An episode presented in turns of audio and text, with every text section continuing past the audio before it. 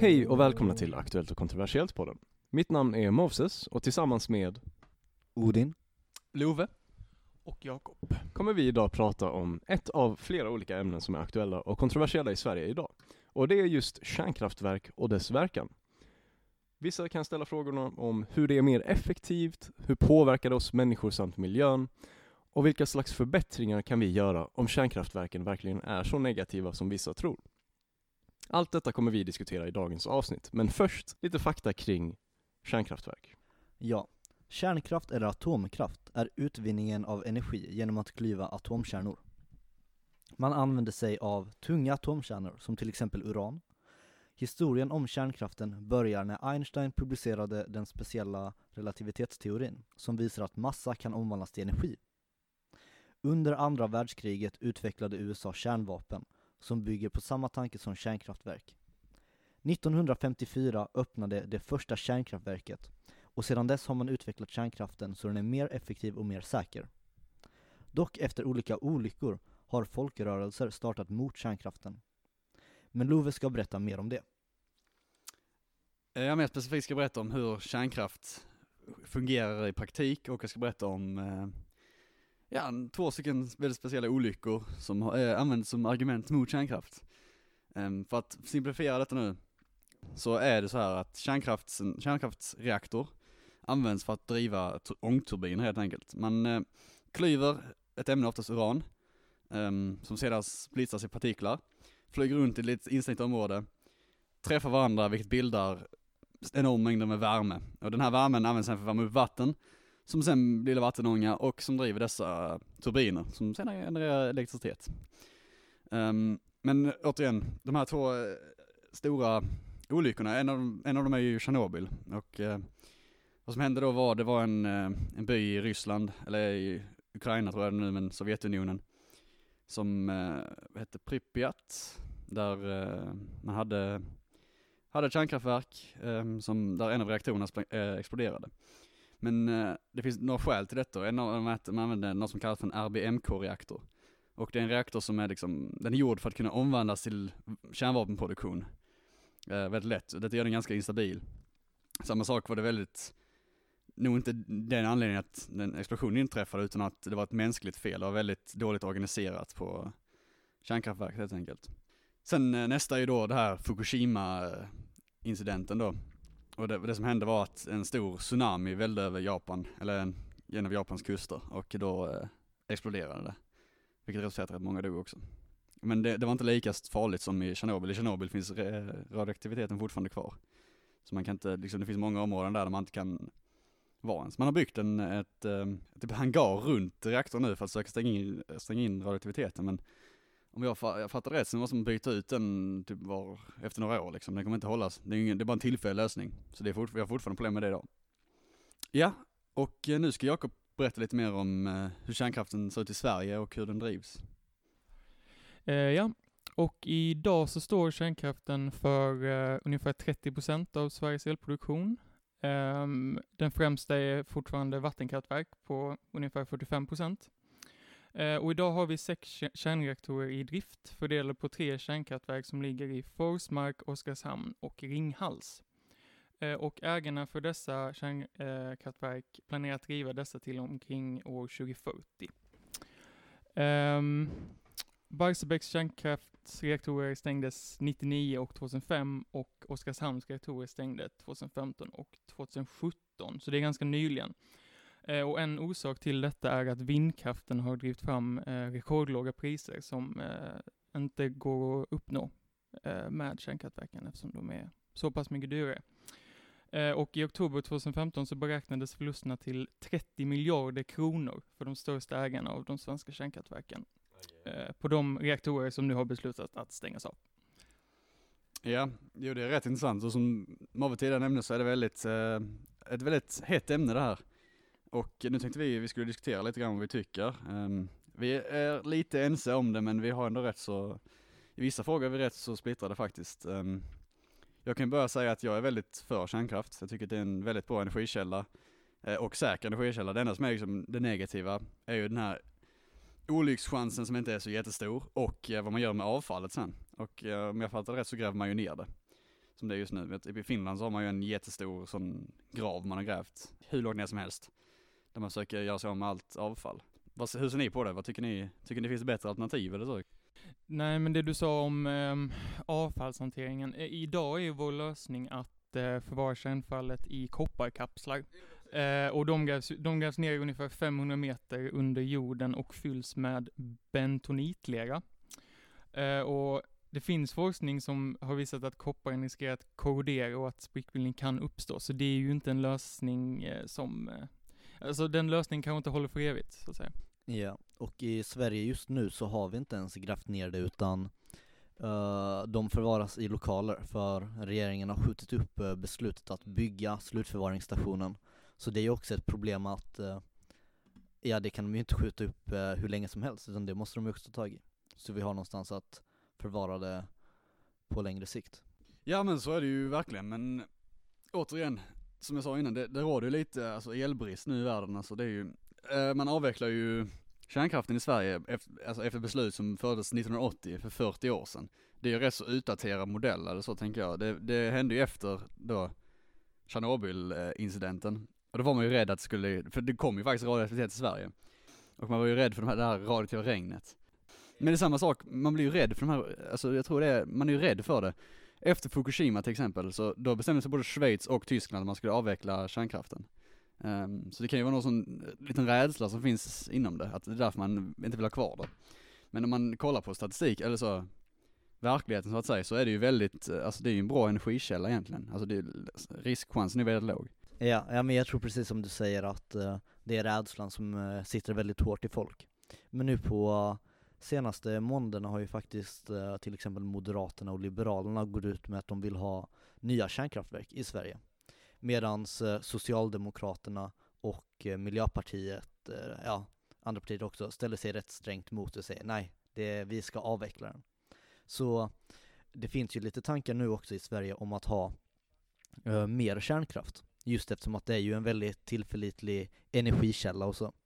Men alltså de som, är, de som vill avveckla kärnkraftverken, alltså vad, vad tänker de att de, alltså vad, vad har sån stor energikälla som kan vara lika mycket som kärnkraftverk eller om inte ens mer?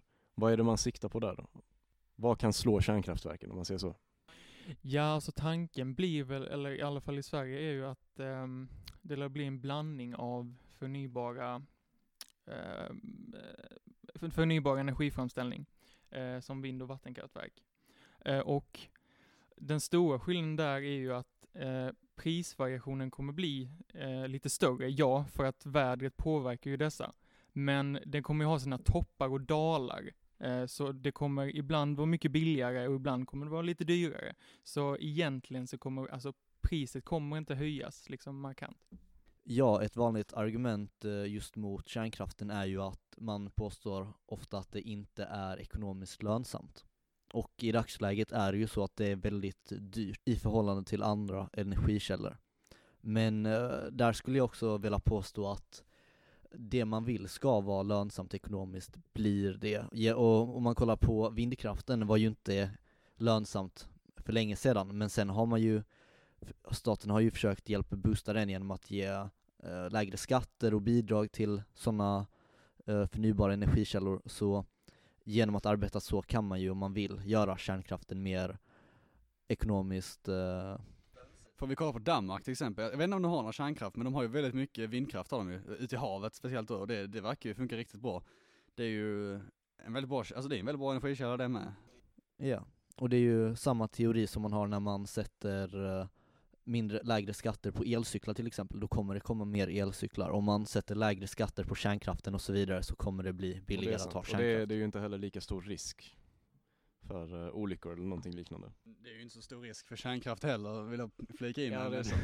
Alltså det, det påverkas, okej okay, det kan ju påverkas av tsunami eller något sånt här liknande, men då är det antagligen inte, alltså det, det uranium som så här blastar miljön. Precis, det är inte lika stor, uh, stora konsekvenser om någonting väl skulle hända liksom. Det, precis, ja. precis. Det var så jag menar. Uh, ja, precis, men det du sa om att, uh, ja, staten och, och många har investerat i vinsten där, det visar ju att, alltså, majoriteten av människor kanske föredrar eh, förnybar energi eftersom det är det de investerar i. Ska vi verkligen gå emot det?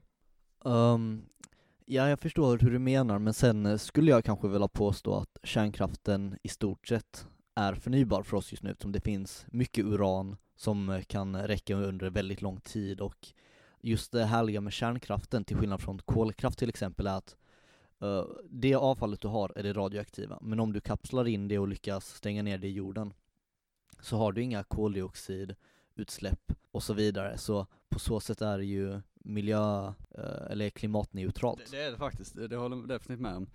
Men sen också en annan grej som är väldigt intressant med just det att med, med bensinen vi har liksom till det, vi har väldigt mycket uran, eh, som, från Afrika speciellt, som kan användas till detta. Samtidigt så jobbar vi mycket nu med nya tekniker, eh, med nya metoder, att, liksom, speciellt fusion. Vi har ju fission, det är att man klyver atomerna, men fusion är att man sätter ihop dem.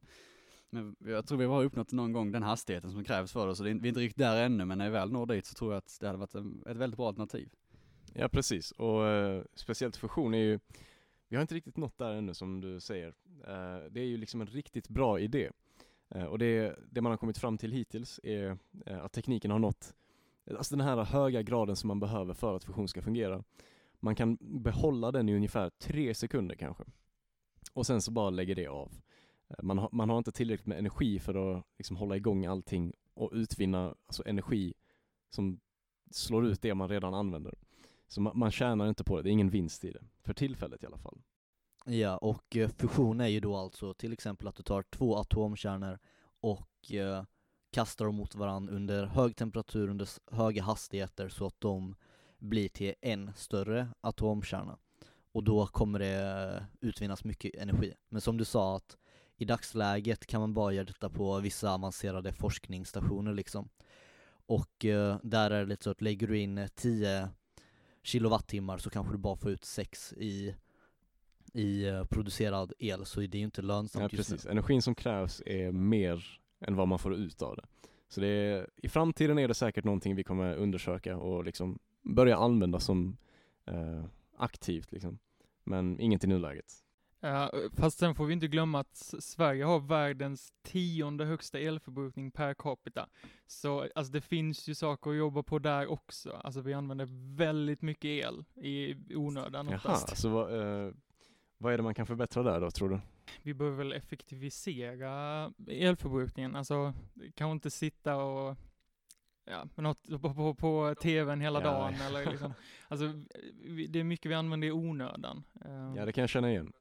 Ja. Alltså när man sitter där på datorn och, och sen så går man därifrån och käkar frukost eller någonting. Eller ja, kanske inte frukost men man gör någonting annat. Ja det, det, det är nog sant som du säger. Precis som när man ska stänga av kranen när man borstar tänderna och sen sätta på den igen. Så kan jag tänka mig att det, det ligger någonting i det och göra det på eh, eh den här fronten också. Men alltså om man, om man ska ha hela den här diskussionen kring uran och om det är, om det är bra att använda det här eller importera det eller låta andra ta fallet för oss.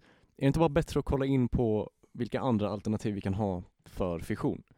Är det så att det finns andra ämnen som kan användas istället för uran? Jag tror plutonium kan användas. Jag vet inte, det kan vara en restprodukt, eller så är det det man kan använda också. Jag är inte riktigt helt säker. Men jag är rätt, jag har för mig man kan använda något, något liknande. Uh, ja, men med de andra ämnena som man kan använda istället för uran så har man ungefär samma side effects och samma problem. Här att Men jag alla är tänker- radioaktiva och, och eh, det här fossila bränslen och allt sånt här. Ja, och brytningen av det också farligt. Mhm.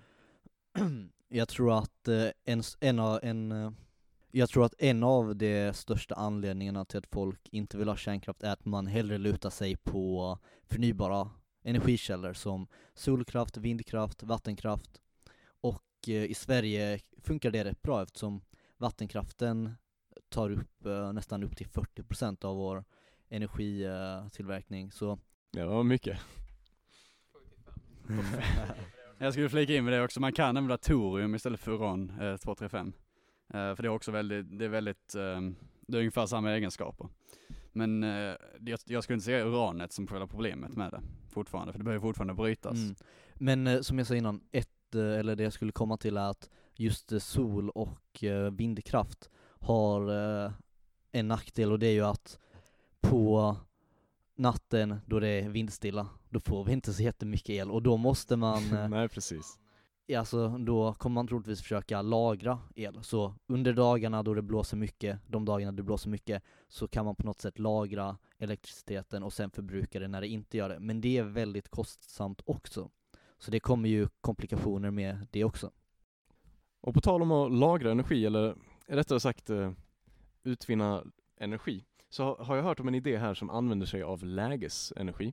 Alltså eh, att man, man tar en energi skapad från att någonting rör på sig. Och då, då var den här idén om att man har exempelvis en vagn eller någonting som har eh, väldigt mycket vikt i sig. Eh, och som är då överskott av energi som skapas, som vi hörde innan om att vi har väldigt mycket överskott av energi i Sverige, eller vi använder väldigt mycket energi. Ja, alltså vi, vi exporterar huvudsakligen mer än vi importerar från andra länder. Jaha, okej. Ja men så, eh, po- poängen då att vi har överskott av energi och så används det för att eh, få den här eh, bilen eller va- vad den än kan vara, vagnen, att gå upp för en, en kulle då. Och eh, sen så går den här eh, bilen då ner för kullen och skapar lägesenergi, vilket vi då kan ha, eh, eller utvinner lägesenergi. Vilket innebär basically att eh, vi har fått energi från, vi har utvunnit energi från lägesenergi med överskott av energi. Alltså vi har inte, vi har inte investerat någonting för att få ut någonting, utan vi har investerat ingenting och fått någonting. Så, så det är energi som egentligen skulle gå till spillo egentligen, det du menar? Liksom. Ja precis, det hade gått till spillo och nu fick vi inte bara behålla det som gick till spillo, utan vi fick mer på det. Ja, okej, så det är typ, okej, så du skulle säga typ ett alternativ till detta då menar du? Ja, kanske inte alternativ, men eh, det är någonting vi kan lägga till och, och, och det kan vi då göra istället för att Alltså vi, vi kan ha liksom vindkraft, vi kan ha vattenkraft och sånt här eh, och istället för kärnkraftverk eller bredvid kärnkraftverk så kan vi då ha det här eh, som kan ge oss ännu mer energi så att vi inte behöver lita, förlita oss på kärnkraft eller någonting Alltså det är skadligt. en intressant tanke, men i hur stor skala kan detta göras? Ja, det, det får nog lita sig på, äh, luta sig mot en eh, lokal skala kanske. det är ju väldigt svårt att hitta en så tillräckligt stor backe som kan eh, eh, vad heter det, utvinna energi för liksom hela landet eller en, eh, en hel Så det, det, är mest, kontinent. det är mest teoretiskt i nuläget alltså, det är liksom Ja, idén är ju självklart teoretisk, eh, men det, man har ju sett, alltså ma- man vet ju om lägesenergi och att det kan utvinnas, men eh, ja, ingen har ju direkt testat det. Men det, det är som det här, um, någon annan som är teoretiskt, som jobbat faktiskt mycket på det, är de här med vätebatterierna då, eller väteenergin liksom, som man kan ut, utvinna. Och det är ju så, då kan man, vi lyckas har inte gjort det ännu, men den som lyckas lista ut hur man lagrar vätebatterierna liksom då och kan utvinna dem, kommer bli den rikaste människan som någonsin levt. För det är liksom, det skulle lösa allting. Ja, ja precis. Men det jobbas rätt mycket med det nu, men det, ja det är återigen, det är fortfarande teoretiskt precis som du sa innan. Okej, men för att hoppa tillbaka till kärnkraften i fråga då. Eh, är det någon här som är eh, emot kärnkraften? Jag, jag är emot en utbyggnad av kärnkraft, men eh, jag, jag har inget emot att eh, de reaktorer som vi har kvar eh, lever ut sin livstid. Men om, om vi säger så här då, om vi bygger kärnkraftverk och sen så är de där, står det fortfarande för det? Vad menar du? Men, du menar att vi, om vi bygger kärnkraftverk nu utan att han vet om det eller vad? Ja, okej. Ja, precis. Nej, det var åtta stycken hela tiden. Nej men, ehm, vad det jag ska säga? Ja det är ju, eh, de flesta jag pratat med har sagt att de är för det, så jag vet inte, eh, återigen, en folkomröstning hade inte varit så dumt. Ja men det, det är intressant som du säger Lova att du har upplevt så, för jag har också upplevt det så att jag tycker att många ungdomar i min ålder eh, är rätt positiva mot eh, kärnkraften. Men samtidigt verkar det som att i, reger- i regeringen är det lite motsatt och att kärnkraften fortfarande har ett underläge, trots att det har blivit en rätt aktuell fråga just nu. Så, så en ny folkomröstning, det hade du gått med på liksom så, alltså för, Ja, men jag tror också att eh, om det nu blir så att ett borgerligt eh, block vinner nästa val så tror jag att vi kommer få en utbyggnad av kärnkraften för att just eh, Kristdemokraterna, Liberalerna och Moderaterna har ju gått ut med att vara väldigt för kärnkraften och för en utbyggnad av kärnkraften. Så jag tror att eh, om de vinner som sagt så tror jag att det, det kan bli en omröstning eller kanske bara direkt eh, utbyggnad av vår kärnkraft. Ja, sen så finns det ju alltså, både EU och Sverige i dagsläget har ju kommit överens om att all elproduktion ska vara förnybar till 2040. Ehm, så jag vet inte, det hade nog varit ganska svårt att bara vända om helt nu. Ja, men jag kan nog tycka att det är lite, en lite dum, eh, eller alltså det är ju ett fint, en fin tanke att ha fullt förnybar elektricitet, men jag tycker att kärnkraften, jag ser inte så stora nackdelar med den som till exempel kolkraften som har jättestora koldioxidutsläpp. Kärnkraften, när den opererar så har den ju inga utsläpp alls, och det är ju en jätte, Uh, det är en uh, energikälla man kan lita på dygnet runt alla dagar om året. Så till skillnad från uh, sol och vind till exempel presterar den ju alltid, eller så fort man vill att den ska det. Ja, men det, alltså det finns ju länder idag som, som uh, har planer att bygga ut kärnkraften. Uh, men det har ju visats i både Finland och Storbritannien, uh, där pågående projekt finns, att bygga ut kärnkraften har drabbats, alltså om och om igen av förseningar och kostnadsökningar. Så alltså, det visar ju lite att det, det kan bli svårt att ge sig in i, i, i den marknaden igen, i och med att så många är investerade i förnybar energi. Ja, jag förstår det, men jag tänker också att så är det ju nästan lite alltid när man gör något nytt eller något man inte gjort på ett tag, utan det är ju rätt kostsamt att bygga upp ett system för att göra något man inte har gjort tidigare eller håller på med just nu. Det är ju liksom alltid kostsamt att eh, börja med något nytt. Problemet är ju att kärnkraften är ju inte ny. Den har funnits länge och en sån här omställning, skulle inte det vara lite bakåtsträvande? Jag menar, vi är redan i god takt att, att vara, alltså, hela, alltså bara ha förnybar eh, energi. Ska vi verkligen gå tillbaka till det vi hade innan? I och med att det, det är en så stor omställning och en så stor kostnad för hela världen. Alltså jag förstår det du menar, eh, men jag tänker också att anledningen varför vi inte riktigt vill ha kärnkraften just nu är ju mycket rädsla som inte är så befogad i dagsläget då man har reaktorer. Fjärde generationen är ju jättesäkra. Det finns ju flera nivåer av säkerhet där, så att bara att en människa klickar på fel knapp ska inte kunna sätta igång något, utan uh, själva programmeringen av kärnkraftverket ska ju liksom se till att den är ännu säkrare. Så jag tycker att det är lite dumt att stänga ner det alternativet eftersom att det bygger på en rädsla som är obefogad i dagsläget. Ja, alltså egentligen är väl inte risken, eller det är klart risken också finns där som en orsak till varför vi inte idag har huvudsakligen kärnkraft. Men det är väl framförallt att det kostar så mycket, det är så dyrt. Det har ju visats på elmarknaden idag att de som investerar och äger kärnkraft, de går, för, alltså går på förlust idag. De förlorar pengar. Ja, jag tror jag hörde det. Vattenfall hade väl rätt så, rätt stora förluster vill jag också. Jag för mig du hade rätt i det. Men det är väl återigen det här med att man, de flesta investerar ju nu i förnybara energikällor som vatten och vindenergi. Som du sa innan. Så det kan väl ha med det att göra, att man, därför man går förlust. Ja, ja, men sen tänker jag också att om staten och alla verkligen vill att kärnkraft ska vara eh, ekonomiskt eh, hållbart så tänker jag att då kommer man ju få det så. Om eh, man lyckas ställa om i människors huvuden att kärnkraften är bra och att vi ska ha den så tror jag att människor kommer vara glada att köpa kärnkraften. För nu vet jag att vissa energileverantörer eh, har så att man kan köpa energi som bara garanterat är producerad av eh, sol, vind och vattenkraft till exempel. Så jag tänker att genom att eh, man gör en omställning genom hela samhället, även genom att ta kanske lägre skatter på kärnkraften och så vidare, kommer man kunna få det billigare och mer ekonomiskt hållbart. Mm. är det verkligen, är det värt att, att göra den stora ansträngningen eh, för att ha kärnkraft istället för förnybar energi? Är, är det dåligt med förnybar energi? Nej nej, men den är ju väldigt, den fyller ju inte riktigt vårt energibehov, om jag får, alltså Mm. i dagsläget.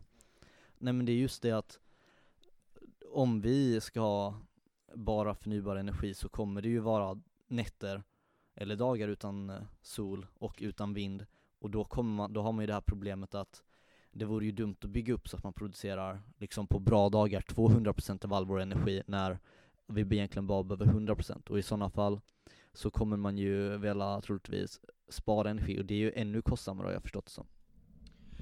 Ja, men alltså de dagarna kommer priserna bli lite högre och vi kommer behöva importera el från andra länder. Men de dagarna det blåser på bra, eh, det, solen skiner, då kommer vi istället eh, exportera el och tjäna pengar på det och då kommer priserna sjunka. Det kommer ju bli mer eh, dalar och toppar, men det kommer inte bli mer kostsamt om vi investerar fullt ut på förnybar energi. Ja, ja men det är också en, en bra poäng. Mm. Och med det sagt så går jag vidare till eh, den sista delen av vår podcast, eller avsnittet. Och det är utmaningarna, tävlingen. Woo! ja, eh, så det vi har gjort nu är att vi har ändrat om det lite grann. Så nu har vi redan förbestämt straff för varenda person. Och då börjar vi med Jakob. Är det så att Jakob förlorar så får han inte vara på datorn i eh, fem dagar. Inte spela på fem inte dagar. spela på fem dagar. Och om det är så att Odin förlorar så måste han vara vegetarian i fem dagar. Oh. Den kan jag tänka mig är svår. Och om Love förlorar så är det så att han måste cykla till skolan i fem dagar. Jag önskar er alla lycka till och då kör vi. Ja, först och främst, vi kanske ska klargöra att eh, Love bor en bit från skolan. Till skillnad från mig och Odin. Så det blir faktiskt en utmaning för oss. Då börjar vi med första frågan. I Sverige har vi sju aktiva kärnkraftverk. Tre, två, ett. Falskt! Alla svarar falskt och det är rätt svar. Vi har tre aktiva kärnkraftverk med sex gen- eh, reaktorer inuti dem. Och då går vi vidare till fråga två. Ett, eller påstående två. Ett av dessa tre kärnkraftverken är Barsebäcks kärnkraftverk. Tre, två, ett. Sant. Okej, eh, Odin var den enda som svarade sant. Och det är faktiskt falskt. Barsebäcks kärnkraftverk lades ner som en del av energipolitisk uppgörelse mellan vissa av Sveriges parti. De tre rätta kärnkraftverken ligger i Oskarshamn, Forsmark och Ringhals. Vi går vidare till påstående tre. I nuläget är det 440 aktiva kärnkraftverk runt hela världen. Tre, två, ett. Sant. Alla säger sant och det är det också. Varav USA står för 95 av dem, följt av Frankrike med hela 57 kärnkraftverk. Och såklart är det mer i eh, 30 plus länder. Påstående 4. Uran är det enda ämnet som kan användas som bränsle i kärnkraftscykeln. 3, 2, 1. Falskt. Alla svarar falskt och det är sant. Eh, Ett av flera alternativ. Nej, nej. Det, alla svarar sant. Och det, är rätt svar. vänta, alla svarar falskt. Det är falskt, ja. Ingen förlorar någonting här. Eh, och det är ju så att ett av flera alternativ till uran är torium, och vi har inte pratat så mycket om det. Eh, men det har varit tillgängligt redan sedan 1960-talet. Jag hoppas den sista frågan nu, eller de sista frågorna är väldigt svåra, så att det inte blir så här så att jag förlorar nu. Ja, det, det, det beror på. Och här har vi påstående fem, en av de eh, som vi inte alls har pratat eller nämnt om faktiskt. Påstående fem.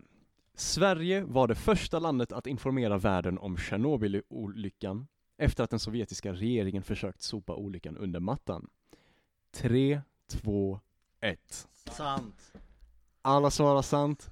Och det är sant. Sverige är inte så mesigt som man kan tro. De går ut med sanningen. fråga. Du har en sjätte fråga hoppas Jag har tyvärr ingen Alltså, sjätte fråga. ingen- Och vi har en förlorare!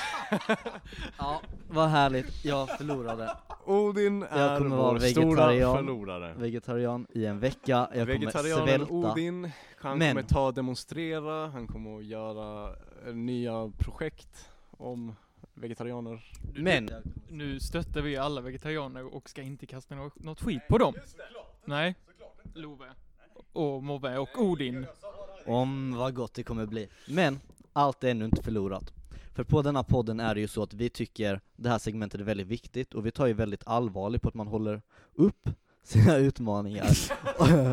och tyvärr är det så här att källor har visat att Mobbe inte höll sin utmaning förra veckan. Det här är Han klarar inte av den. blasphemy, känner jag. Han, han, vi accepterar inte fusk på detta programmet helt Nej. enkelt, och Nej. eftersom att Moses misslyckades med Ja. att göra sina armhävningar, så kommer Moses också behöva vara vegetarian i en vecka. Ja, kanske inte i en hel vecka. Jo, en hel vecka. i fem så är det dagar. faktiskt. I fem Och, dagar eh, som jag. Ja, så ligger det till just nu. Och Ja. eh, sucks to be you. Ja, det kan jag minst sagt säga. Och det är tårar som kommer falla i natt, det kan jag säga det. Eh, Och med det sagt så vill jag säga tack för att ni lyssnade på podden idag. Eh, Och som tur är så behöver inte ni höra när jag gråter ikväll. Ja, gå in och följ oss på Instagram, eh, Spotify, Soundcloud. Tack för att ni lyssnat allesammans. Och ha en bra dag.